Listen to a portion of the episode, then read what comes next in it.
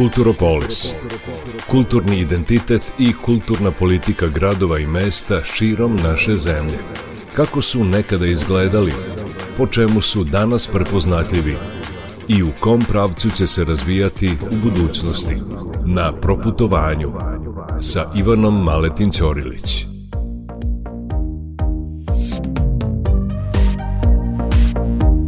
Dragi slušaoci, dobroveče. Ja sam Ivana, vaš vodič kroz Kulturopolis. Pred nama je put u nekadašnji centar srpskog duhovnog, prosvetnog i kulturnog života, koji je danas ipak popularniji kao centar vinskog turizma.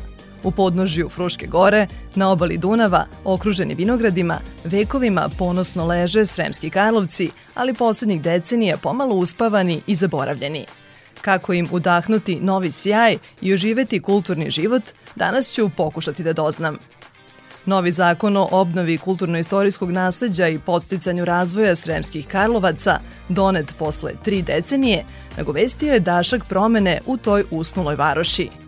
Pre nego što se pozabavim tom temom, želim da vas za trenutak vratim u period kada su Sremski Karlovci slovili za srpski Heidelberg. Čini mi se da je zlatno doba Sremskih Karlovaca krenulo od onog trenutka kada je mitropolit Stefan Stratimirović došao na mitropolitski presto ovde u Sremskim Karlovcima da je tada započet period zlatnog doba e, i da je negde do početka Prvog svetskog rata trajao.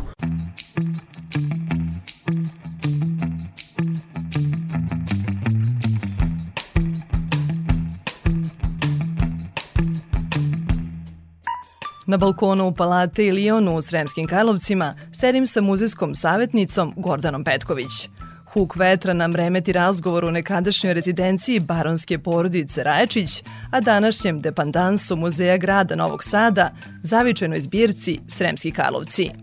Gordana već dugo proučava istoriju tog mesta, autorka je i aktualne izložbe Karlovačka gimnazija 230 godina od osnivanja – Deo stalne postavke zbirke i posvećen je njenom najslavnijem učeniku Branku Radičeviću. Zapravo osnivanje najstarije srpske gimnazije 1791. godine, čiji su glavni inicijatori i finansijeri bili mitropolit Stevan Stratimirović i trgovac Dimitrije Anastasijević Sabov, najavilo je početak zlatnog doba Karlovaca. Riječ je prosto to, to zlatno doba tri godine kasnije posle otvarane gimnazije otvara se i Karločka bogoslovija 1794.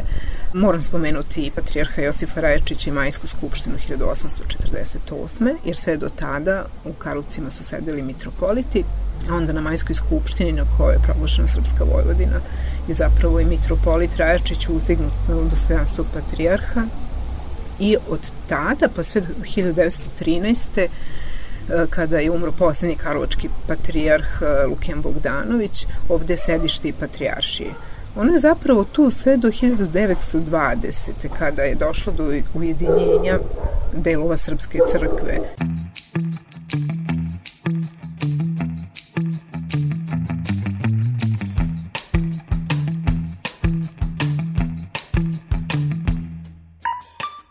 Sa gimnazijom osnovana je i njena biblioteka, najbogatija školska biblioteka u našoj zemlji sa više od 18.000 dela, čime je zavredela status kulturnog dobra.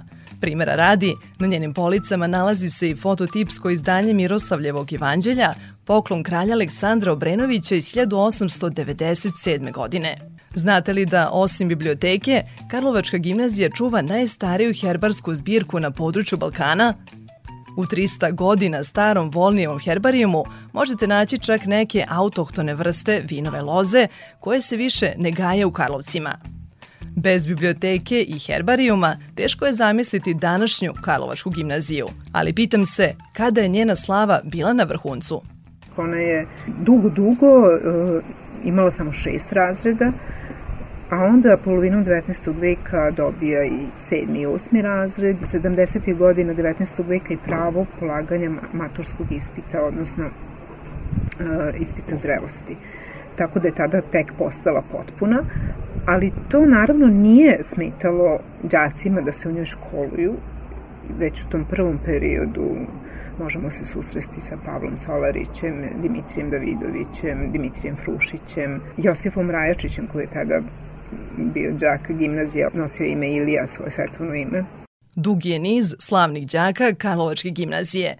Inspirativno je zaroniti u prošlost Sremskih Karlovaca i otkriti njihove bisere, ali od stare slave se ne živi. Moja misija je da odgonetnem kako u Karlovcima udahnuti novi sjaj i oživeti njihov kulturni život.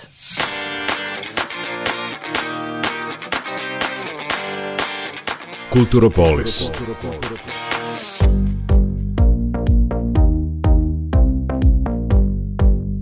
Vreme je da privodim kraju susret sa Gordanom i uputim se u Pokrajinski zavod za zaštitu spomenika kulture.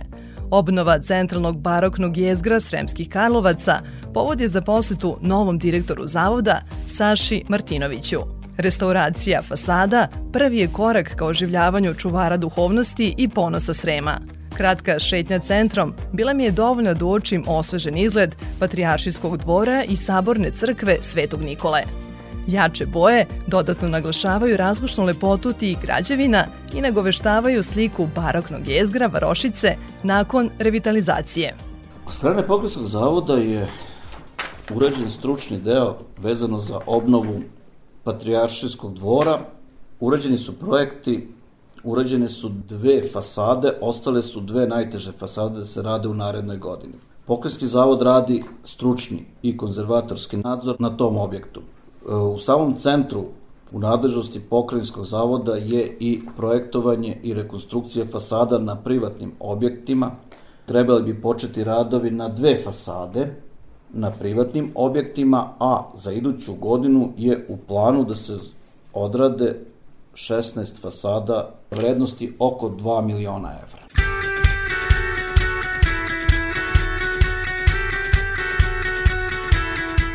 Martinović kaže da se uloga pokrajinskog zavoda u obnovi Sremskih Karlovaca zasniva na stručnom delu, a da radove nadzire Ministarstvo kulture i Republički zavod za zaštitu spomenika kulture. Posle tri decenije donet je novi zakon o obnovi kulturno-istorijskog nasleđa i podsticanju razvoja Sremskih Karlovaca – Inicijativu za njegovo donošenje pokrenula je pokrajinska vlada jer je, kako je navela, zakon iz 1991. sporadično primenjivan sa neodgovarajućim obimom finansijskih sredstava za obnovu mesta od najvišeg značaja za srpski narod. Šta to novi zakon predviđa? U okviru prostorno-kulturno-istorijske celine koja je utvrđena za nepokretno kulturno dobro od izuzetnog značaja, citiram, biće obnovljena kulturna dobra. Zakon pod obnovom smatra revitalizaciju, prezentaciju i korišćenje kulturno-istorijskog nasleđa, zaštitu, uređenje i unapređivanje prirodnih dobara i životne sredine i komunalno opremanje radi održivog razvoja lokalne zajednice. Zanima me od čega će zavisiti dalji tok radova. Definitivno od raspoloživog budžeta će se napraviti plan. Postoji predlog za više od 4 miliona evra investicije, ali finansijeri moraju da odluče o tim prioritetima. Što god da uradite je potrebno. Ako zakon ispuni svoju svrhu, inicira dugoočekivane promene i doprinese da Karlovci ponovo zablistaju, hoće li se to odraziti i na njihovu kulturnu ponudu?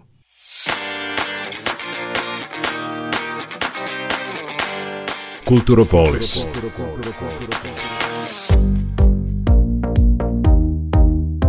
Najavljujući strategiju razvoja turizma u Vojvodini za naredne četiri godine, resorni sekretar Nenad Ivanišević naglasio je da će posebna pažnja biti posvećena razvoju verskog turizma. Očekivano, nemerljiv značaj u tome imaće Sremski Karlovci i Bogoslovija.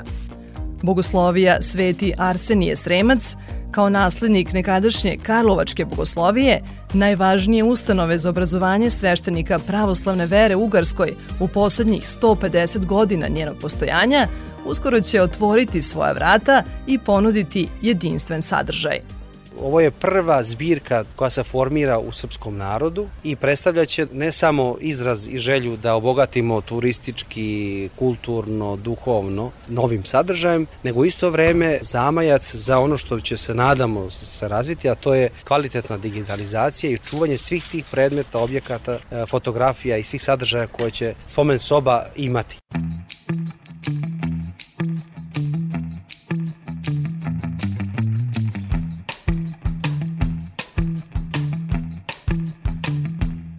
Prema rečima rektora Bogoslovije protereja Jovana Milanovića, u spomen sobi biće izloženi predmeti, fotografije i ostali crkveni sadržaj značeni za srpsku crkveno-duhovnu tradiciju. Za tu namenu Pokrajinski sekretarijet za privredu i turizam izdvojio je 4 miliona dinara. I dok ne postanu središte verskog turizma, Sremski Karlovci ipak ostaju centar vinskog turizma.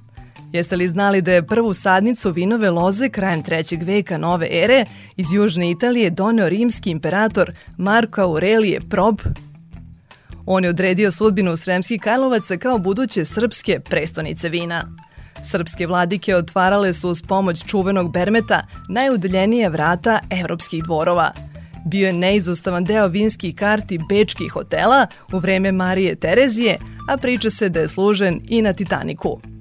Zanimljivo je da i danas vino privlači turiste u Karlovce tokom čitave godine. Turisti u Sremske Karlovce dolaze iz svih delova sveta, znači dolaze tu i Japanci, i Kinezi, i Englezi, i Francuzi, i Nemci. Ima puno turizma i raznog profila i vidim da ljudi imaju već e, na telefonima lokacije i idu po Karlovcima, traže vinari, obilaze, degustiraju vina, uživaju u karlovačkoj arhitekturi koja je zaista onako bogata i lepe su te naše ulice i to sve samo još malo možda da se te pojedine fasade srede i to će biti odlično.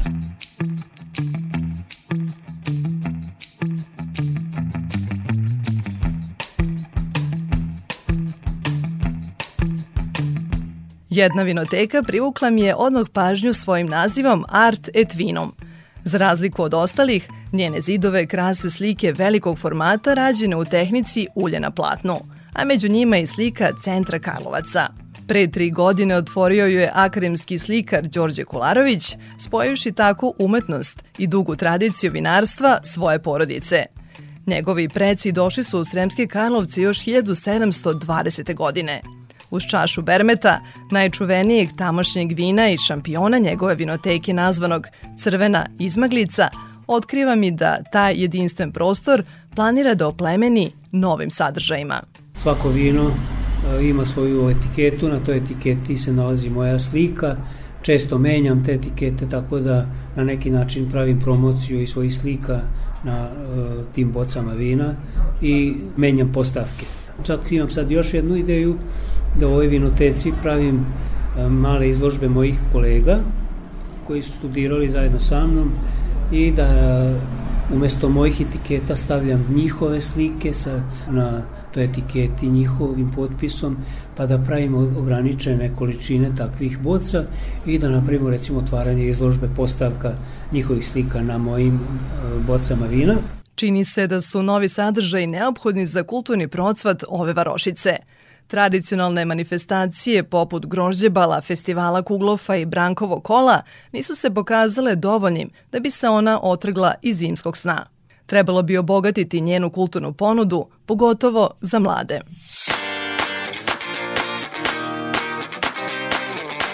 Kulturopolis. Jedan takav pokušaj predstavlja Karlovci Film Festival – Od 2018. organizuje ga grupa studenta Akademije umetnosti u Novom Sadu kao odgovor na višedecenijski problem sa bioskopskom salom. Moto prvog izdanja festivala koji se odvija na autentičnoj lokaciji na otvorenom, Vidikovcu sa panoramskim pogledom na Sremske Karlovce, bio je ponovo radi bioskop. Karlovci nikada nisu manjkali da budu uvek u centru pažnje, stoga mislim da je bilo malo i te neke letargije da ne moramo, ne moramo da se trudimo da nešto napravimo, nama sve dolazi po nekom već onom uigranom scenariju.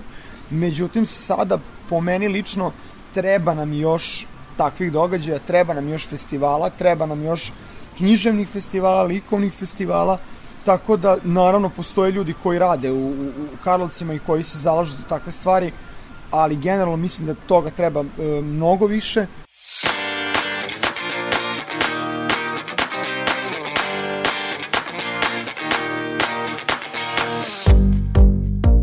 Stefan Dimitrije Dimić osnivač je Karlovci Film Festa, a i zamenik predsednika opštine Sremski Karlovci. Govoreći o kulturnom životu Karlovaca, Stefan ističe ulogu kulturnog centra Karlovačka umetnička radionica, koji postoji već 35 godina kao galerijski prostor izdavačka kuća u centru i izdaje časopis Krovovi. Takođe, podsjeća me na značaj ekološkog centra Radulovački za mlade, namenjenog izvođenju edukativnih programa.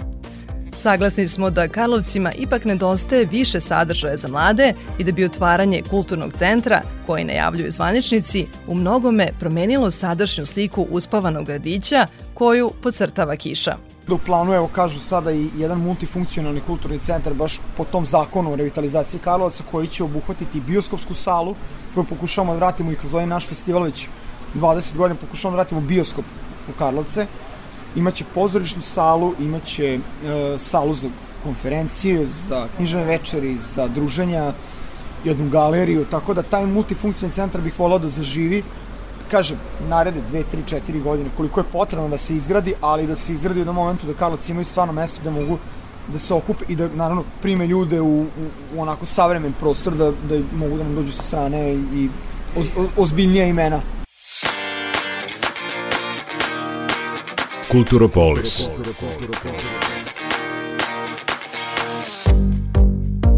Otvaranje kulturnog centra zasigurno bi ispunilo prazninu i pokrenulo kulturni život Sremskih Karlovaca.